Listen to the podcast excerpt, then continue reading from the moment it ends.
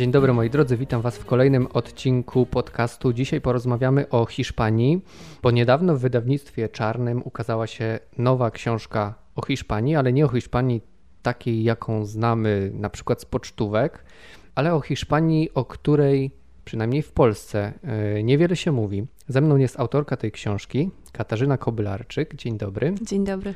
A książka nosi tytuł Strup Hiszpania rozdrapuje rany. To nie jest twoja pierwsza książka o Hiszpanii. Pierwszą książkę o Hiszpanii napisałaś o fiestach hiszpańskich.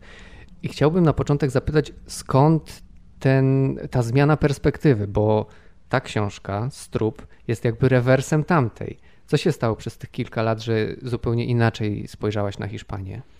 To znaczy, ja zaczęłam zbierać materiały do strupa mniej więcej równolegle z landrynkami. To jest może ciekawe, ponieważ e, ja jadąc do Hiszpanii, spodziewałam się, że będę tam pracować jako reporter, że będę stamtąd po prostu pisać reportaże. Okazało się, że e, ponieważ brakuje mi języka, nie jestem w stanie tego robić. Dlatego landrynki były taką książką, mm, która się pisała moimi oczami, a nie uszami. E, I dlatego jest to książka taka, a nie inna. Ja po prostu szłam tam, gdzie się coś działo i patrzyłam, słuchałam, ale nie rozumiałam, co się mówi. E, I z czasem, dopiero ucząc się języka, e, zaczęłam no, trochę wnikać po pierwsze w te fiesty, ale też w to społeczeństwo. I okazało się, że tam rzeczywiście, tak jak powiedziałeś, ten awers i rewers jest bardzo silny. To znaczy, w Hiszpanach jest mnóstwo tej alegrii, tej radości, ale ona jest podbita takim mrokiem. I to już wyszło w landrynkach, bo y, wtedy się okazało, że oni się bawią, ale oni się bawią zawsze na krawędzi śmierci gdzieś. Zawsze tam jest ryzyko, że jednak cię ten byk stratuje, że jednak um, gdzieś, nie wiem, spadniesz, zginiesz, coś ci się stanie i że oni to akceptują. Y, I wtedy się pojawiło we mnie takie przeczucie, że tam jest taki mrok w tej, w tej duszy hiszpańskiej. Próbowałam go zgłębić e, i mm, w 2009 roku dowiedziałam się z prasy, że prowadzi się niedaleko Burgos ekshumację e, ciał ofiar wojny domowej. Ja tam pojechałam z zamiarem napisania reportażu, nie wiem, może do polityki, może do jakiejś wyborczej, no nieważne. W każdym razie chciałam napisać zwykły reportaż. E, I spędziłam tam trzy dni.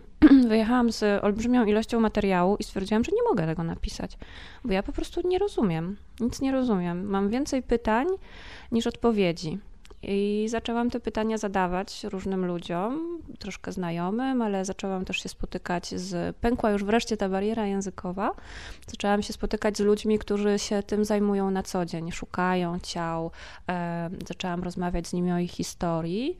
E, no i próbowałam sobie odpowiedzieć na pytanie, jak to jest możliwe, że 70 lat po wojnie wciąż Hiszpania nie wydobyła ciał ofiar tej wojny.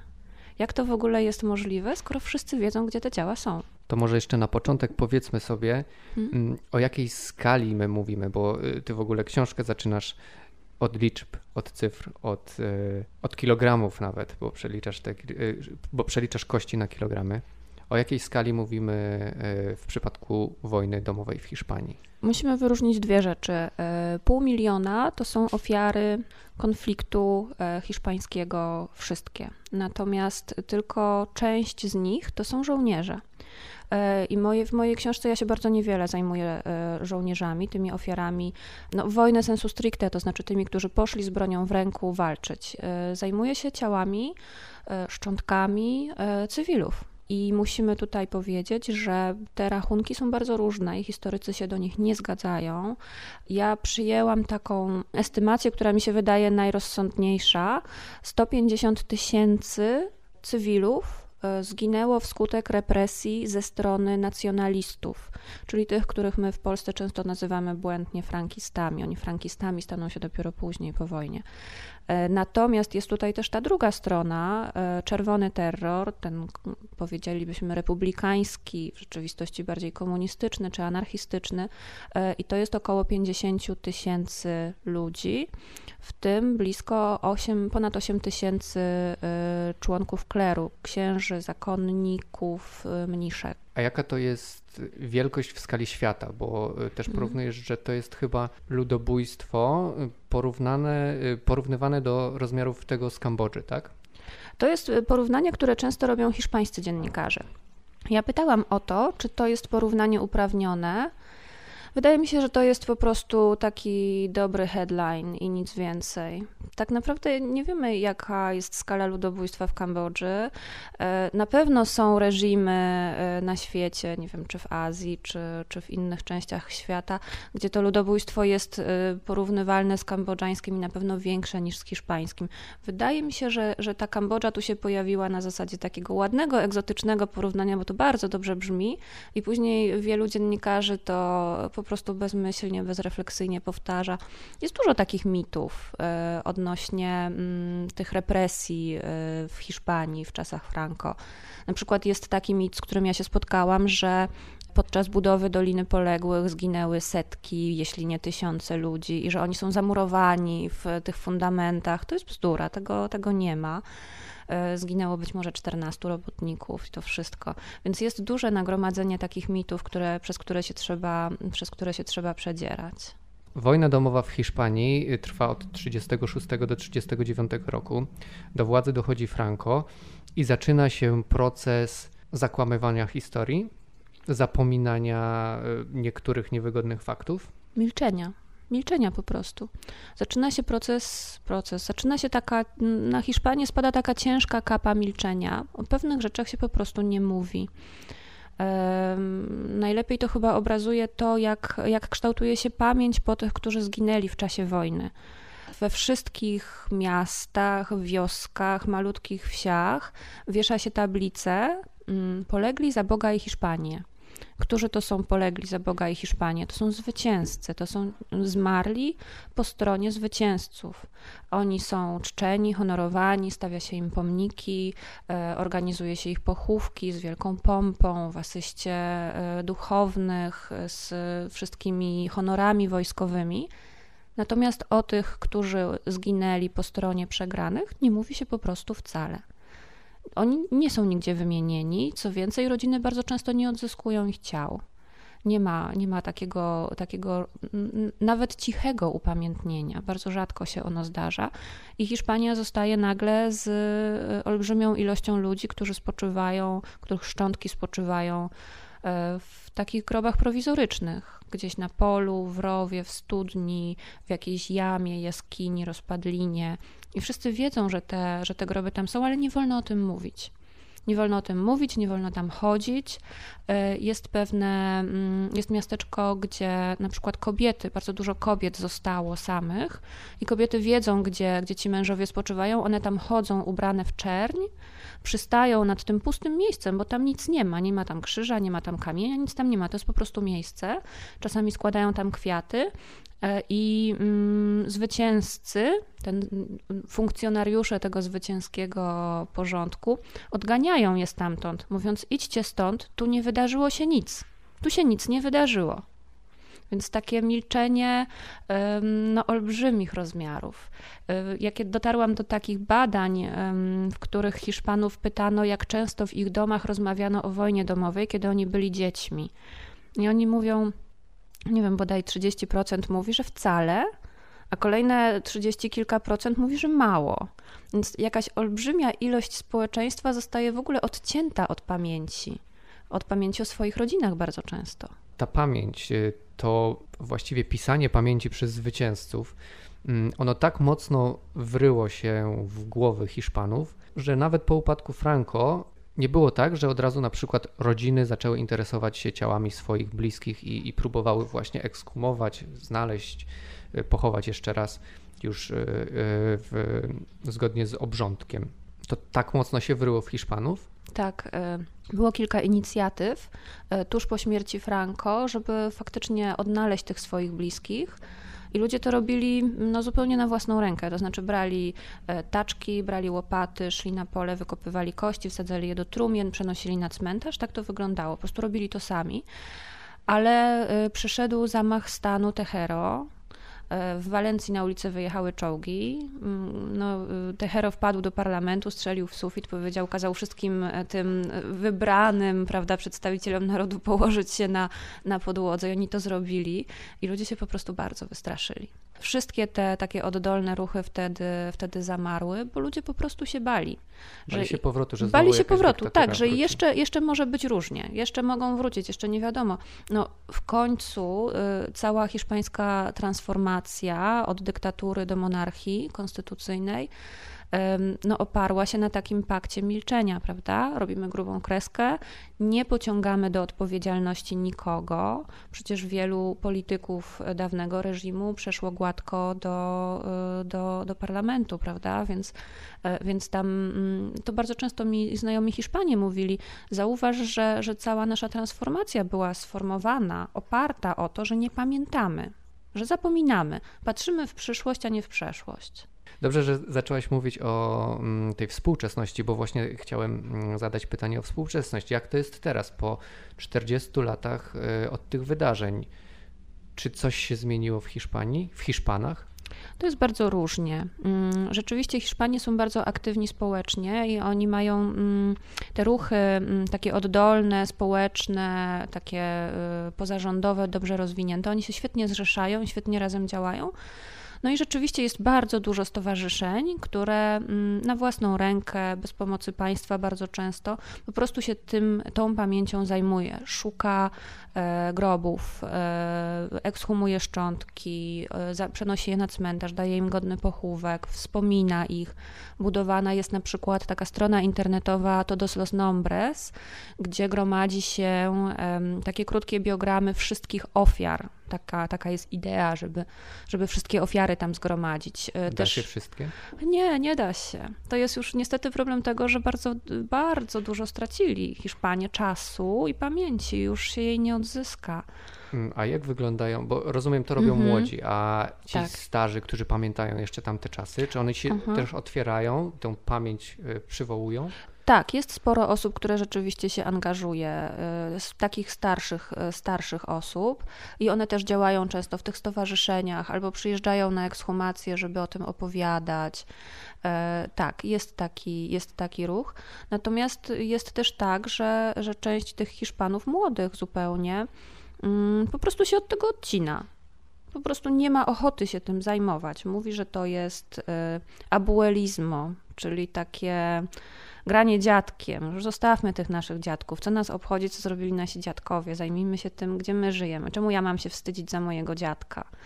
Więc ym, ja na przykład byłam zdumiona, bo okazywało się, że czasami jest tak, że jest ekshumacja i nawet, co bardzo rzadko się zdarza, wiadomo, kto jest w grobie, kto tam jest pochowany, albo przynajmniej się przypuszcza, że to może być on. I powiadamia się rodzinę, a rodzina mówi: No i co? I nikt nie przychodzi na tą ekshumację z rodziny.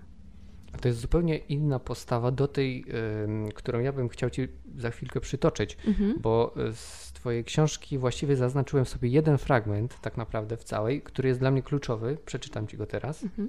I to jest, to jest rozmowa z Gervasio. Co byś poradził naszemu rządowi, Gervasio? Pada pytanie. Dialog. Hiszpania powinna wiedzieć, co się działo podczas wojny i po niej. Nie chcemy zemsty, chcemy tylko szczerej rozmowy. Mówienie o historii takiej, jaka była, bo to jest historia naszego życia. I teraz kolejne pytanie. Czy wciąż są dwie Hiszpanie, Gervasio? Tak, wydaje mi się, że wciąż są dwie. Jestem pewien, że wciąż są ludzie, którzy chcą powrotu przeszłości. To dlatego, nie, to dlatego, że nie znają historii. Musicie im ją opowiedzieć, musicie działać. Jest późno, nie zostało nam wiele czasu. Więc to jest zupełnie inna postawa wobec. Tak, tak. Y, on jest zresztą, Herwazjo zmarł niedawno. Był e, przewodniczącym Stowarzyszenia Więźniów Politycznych z czasów Franco. No i to właśnie tak jest, że, że często to, to ci starsi, którzy pamiętają, którzy tego rzeczywiście doświadczyli, oni prą do tego, żeby ta pamięć, żeby tą pamięć przekazać. Ja miałam tego taki dowód w Barcelonie, gdzie spotykałam się z Mm, ludźmi, których e, najczęściej dziadkowie e, trafili do Mauthausen, do obozu hitlerowskiego. E, I, mm, I było dla mnie naprawdę wzruszające, że przyszedł się ze mną spotkać człowiek dziewięćdziesięciokilkuletni, bardzo słabo słyszący, który przyszedł tylko po to, żeby mi opowiedzieć o swoim ojcu żeby ta pamięć gdzieś przetrwała o nim, żeby ludzie się dowiedzieli, jak było. E, no i naprawdę bardzo wiele ta pamięć hiszpańska zawdzięcza tym ludziom, którzy się odważyli mówić i odważyli się uczynić swoje wspomnienia no, sprawą publiczną. A o czym mówi twój bohater, kiedy, kiedy mówi, że jest pewien, że wciąż są ludzie, którzy chcą powrotu przeszłości i dlatego, że nie znają historii? Mówi o tym, że Hiszpania rzeczywiście wciąż jest podzielona i to bardzo mocno widać. E, w zależności od tego, z kim się rozmawia w Hiszpanii, można usłyszeć dwie zupełnie różne narracje na temat wojny domowej. E, I nie chodzi tutaj wyłącznie o kwestie opinii.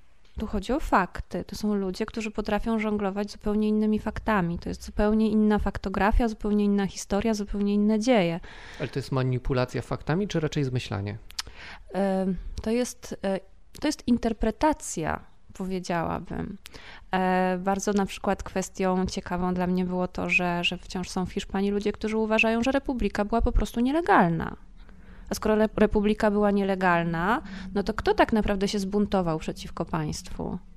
Republikanie czy nacjonaliści, którzy może chcieli bronić państwa, bronić swojej ojczyzny? No to jest tak. Um, skoro nie, skoro nie możemy, możemy się nie zgadzać co do opinii, ale jak zaczynamy się nie zgadzać co do faktów, to okazuje się, że nie ma o czym rozmawiać, to znaczy nie ma płaszczyzny porozumienia. E, I mi się wydaje, że w Hiszpanach wciąż jest bardzo silna, e, no wciąż jest bardzo, bardzo, bardzo silny podział pomiędzy nimi jednak e, jeśli ktoś, no, no, zdarzają się takie konwersje, ja bym powiedziała, to znaczy dziadek był nacjonalistą, a wnuk jest już, nie wiem, socjalistą czy, czy, czy lewakiem, prawda?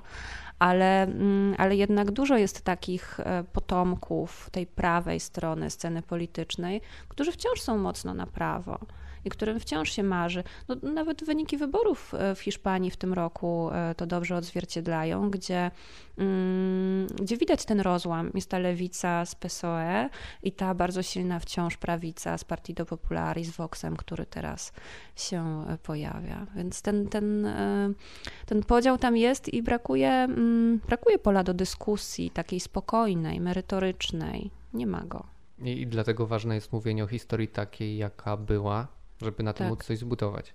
Tak, tak mi się wydaje, taki byłby ideał. Czasami jest tak, że kiedy czyta się książkę o jakimś kraju, odwołuje się albo próbuje się znajdować jakieś analogie do tego, co się dzieje u nas w Polsce albo co się działo u nas w Polsce.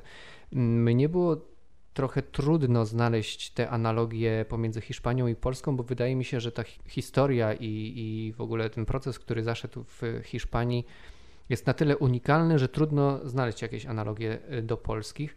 No ale powiedziałaś tutaj w rozmowie gruba kreska, tak jak w Polsce y, po 89. Czy są jeszcze jakieś y, takie analogie, przez które można czytać tą książkę? Hiszpanie sami się do tego odwołują, ponieważ oni mm, bardzo dobrze, bardzo często przywołują Katyń. I to obie strony tego, tego sporu, tego konfliktu.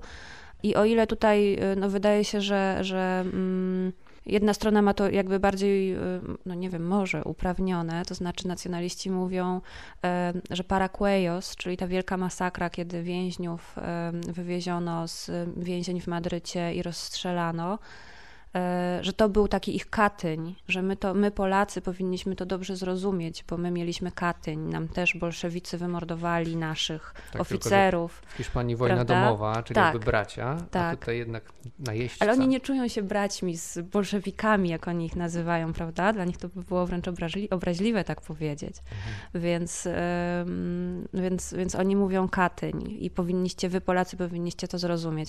Ale ta druga strona też mówi Katyń skoro bierze się niewinnych ludzi, wywozi ich e, do, mm, nie wiem, do lasu, czy, czy, czy gdzieś za miasto, czy na pole i się ich rozstrzeliwuje, no to, to, to wy Polacy powinniście to zrozumieć, bo mieliście Katyń. E, Echeverria, mm, antropolog e, z kraju Basków, mówił mi właśnie o takim miejscu, które jest niedaleko Bilbao. Oni na to mówią Katyń Chiki, czyli malutki Katyń. I tam też rzeczywiście rozstrzelano kilka kilkanaście osób. No i ta nazwa też się nie wzięła znikąd, prawda? To też jest. Mi się to nie kłóci, bo ja mam mm, takie poczucie, że mm, totalitaryzm, ta taka mm, najbardziej skrajna ideologia, no, to już nie ma, za, nie, nie zależy, nie, nie ma znaczenia, jaki ma znak, prawda? Czy bardzo na prawo, czy bardzo na lewo. E, no jest po prostu ideologią zbrodniczą i u mnie się to nie kłóci, ale w Hiszpanii bardzo jednak. A czy widzisz jakieś analogie mm, w takich dyskusjach na temat przeszłości w Hiszpanii i w Polsce? Mm, bo w Polsce też wydaje mi się, y, częściej milczymy o tym, co było trudne dla nas, co jest dla nas trudne, mhm. podobnie jak Hiszpanie. Na pewno jest um, podobna dyskusja, jeśli chodzi o transformację systemową. To znaczy, um, mam wrażenie, i to jest e, z kolei taka perspektywa bardziej europejska niż hiszpańska, że um, ta transformacja polska i hiszpańska, w odróżnieniu od transformacji na przykład rumuńskiej, zawsze była pokazywana jako taka modelowa, jako dobra, zrobiona bezkrwawo, bez, e, bez zemsty, e, bez, jakiegoś, bez jakiejś nienawiści, tak na spokojnie, pokojowo przeprowadzone, że to był taki karnawał wolności. E, I, mm, I co ciekawe, no po kilkudziesięciu latach, po kilku dekadach od tych e, transformacji, nagle się okazuje, że jednak ta pamięć e, w jakiś toksyczny sposób wraca i zatruwa trochę debatę, czy to polityczną, czy w ogóle życie społeczne. Pojawiają się nagle, wracają te podziały. Ja o tym rozmawiałam z taką dziewczyną, która się zajmuje badaniem, jest antropolożką. E, Holenderką z pochodzenia i dla niej właśnie mm, ta polska transformacja, ta hiszpańska transformacja wydawała się taka, taka dobra, dobrze zrobiona, taka idealna wręcz, a e, nagle się okazało, że ona jednak w społeczeństwie nie jest odbierana jako idealna. Jednak społeczeństwo czuje, że czegoś nie załatwiło, że mm, nie było tej sprawiedliwości, że winni nie zostali ukarani. Czyli jednak chęć zemsty w jakiś sposób. Czy to jest chęć zemsty, czy to jest chęć sprawiedliwości i gdzie leży granica? Prawda? E, u nas mieliśmy wyciąganie teczek, walkę na teczki, prawda? Okazało się, że mamy agentów, którzy nie zostali rozliczeni, którzy, e, których trzeba by ukarać. No Hiszpanie na przykład być może, na pewno są niektórzy, którzy chcieliby, żeby ukarano e, tych, którzy rozstrzeliwali, albo którzy wydawali wyroki, żeby państwo w jakiś sposób zaznaczyło, że to jest no, niedopuszczalne, że to było złe, że oni byli ofiarami i że należy im się jakieś, no może zadośćuczynienie, ale jak zaczynamy mówić o zadośćuczynieniu, to wkraczamy na bardzo grząski grunt, bo kto miałby to zadośćuczynienie i w jaki sposób wyrazić, zapłacić. I tu dochodzimy do Kanady, prawda? E, która e, też e, no, zmaga się ze swoimi demonami przeszłości. No, znakomita jest ta książka 27 śmierci Towiego Obeda, ale też okazuje się, że niby tak bardzo modelowo przeprowadzone pojednanie narodowe też nie dla wszystkich jest wystarczające i też budzi pewne kontrowersje. Dokładnie o tym samym pomyślałem, że w przypadku Kanady, z której i Hiszpania, i Polska mogłyby brać przykład, mm, tam są takie historie y, właśnie osób, które się czują pokrzywdzone w procesie pojednania w tak. pewien sposób. Więc bardzo trudno o idealny, mm, idealną taką, o idealne zadośćuczynienie. Bardzo mi się podoba to, jak kończysz swoją książkę i przedstawiasz wyniki ankiety. I y, tam pada takie pytanie, czy powinniśmy już zapomnieć o przeszłości? Tak, powinniśmy. W przeciwnym razie możemy doprowadzić do kolejnej wojny domowej i tak mówi 34%, a 47% mówi nie, musimy pamiętać, żeby nigdy się nie powtórzyła. Czyli naprawdę Hiszpania jest bardzo podzielona. Tak, i nie ma dobrej recepty, prawda?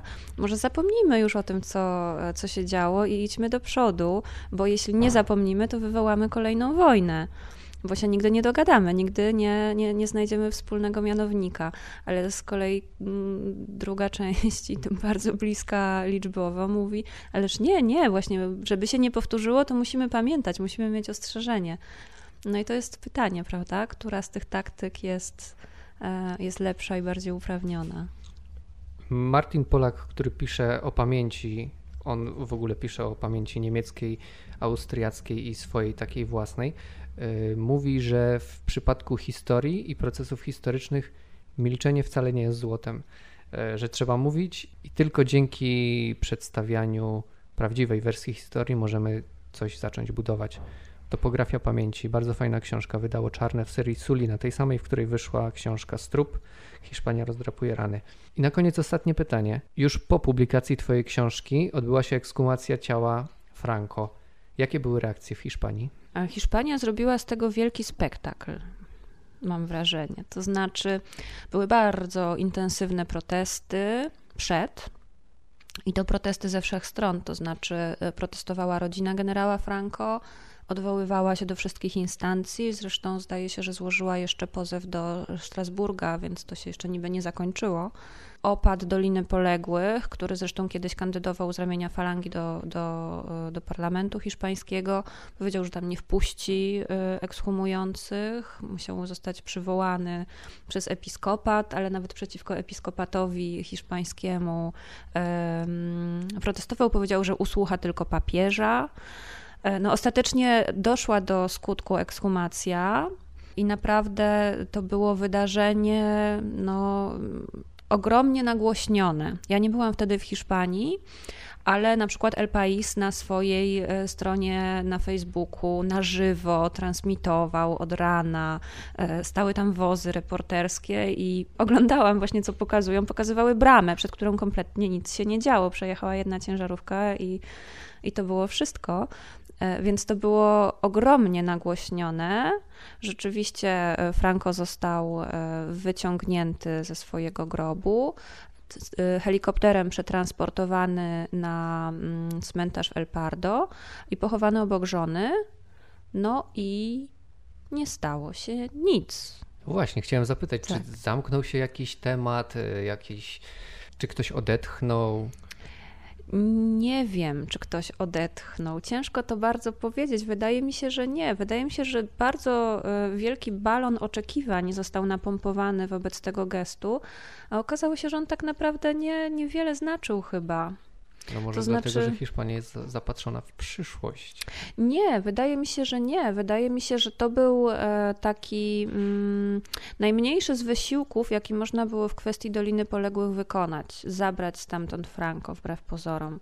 Ponieważ w Dolinie Poległych e, spoczywa blisko 60 tysięcy ciał w fatalnych warunkach i niektóre rodziny chcą te ciała stamtąd zabrać, a inne twierdzą, że nie wolno ich tknąć nawet palcem.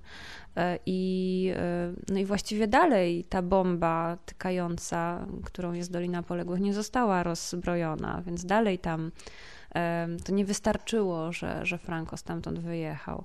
Ale właśnie bardzo, bardzo niezwykłe dla mnie było to, że tak, tak wiele się spodziewano, że nie wiem, może wybuchną jakieś zamieszki, nie wiadomo co, będą jakieś.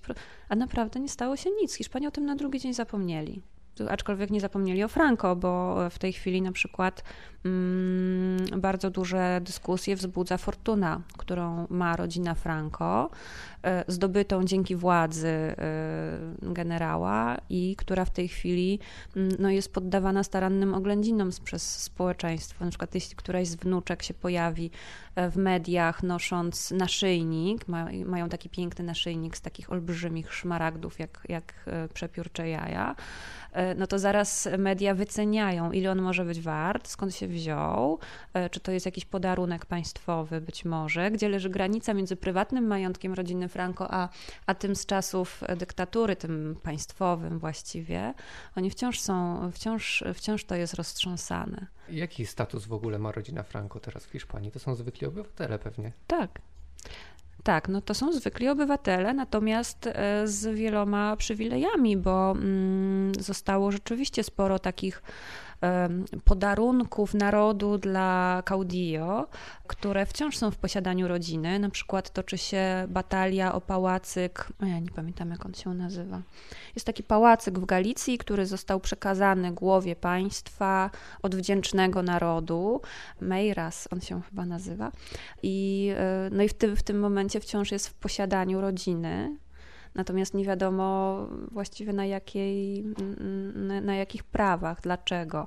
Myśli się, żeby tam urządzić muzeum i żeby ludzie mogli to zwiedzać, ale od czasu do czasu rodzina mówi nie, nie, nie będzie można tego zwiedzać. I właściwie to wciąż jest w takim stanie zawieszenia. Natomiast rzeczywiście oni są po prostu no, zwykłymi obywatelami, ale takimi jakby trochę lepsiejszymi, takimi lepszej kategorii troszkę, uprzywilejowanymi. Bardzo na przykład była długa um, debata na temat e, rzeźb, które zostały zabrane z e, katedry w Santiago de Compostela i podarowane żonie generała Franco. Średniowieczne rzeźby e, no, niesamowitej wręcz wartości. No i to był dar, prawda? Ale no, no czemu? A to jeszcze y, zarządów Franco? Tak, zarządów Franco. Zarządów Franco. Ona, ona dostała te rzeźby. Chyba przy, jak, przy okazji jakiejś renowacji one zostały zdjęte i po prostu podarowane pierwszej damie. E, no i właściwie powinny wrócić, prawda? No jest to taki, tak wielki skarb narodowy, że nie może być w rękach prywatnych no wciąż, wciąż, oni wciąż wracają gdzieś, wciąż wracają. Zresztą wcale nie wydaje się, żeby pragnęli być bardzo zapomniani bardzo dużo, bardzo dużo y, uwagi przyciągają sami. Działa też zresztą y, Instytut y, imienia generała Franco, który gromadzi jego spuściznę. No, wciąż, wciąż ten, ten, ten temat jest Zresztą Hiszpanie bardzo się nie mogą zgodzić co do oceny generała, czego najlepszym przykładem była taka wielka dyskusja, kiedy hiszpański słownik e, biograficzny, takie wydawnictwo bardzo poważne, chciał opublikować, doszedł do litery F i chciał opublikować e, biogram generała Franco. E, zrobił to taki jakby jego nadworny historyk, no i wybuchła wielka afera ponieważ no niby ten historyk opisał, że tutaj głowa państwa, polityk, mąż stanu, ale było to w takim tonie, nie pojawiło się tam w ogóle słowo dyktator na przykład. To tyle, bardzo dziękuję Ci za rozmowę. Zachęcam do przeczytania książki Strup, Hiszpania rozdrapuje rany, bo jak się okazuje, to jest książka o Hiszpanii, ale Polacy mogą ją czytać e, według właśnie takiego polskiego klucza, co, co e, na pewno będzie ciekawe. Rozmawialiśmy w księgarni Czarnego, także dziękujemy księgarni, że nas gościła. Dziękuję Ci za rozmowę i do następnego razu. Bardzo dziękuję.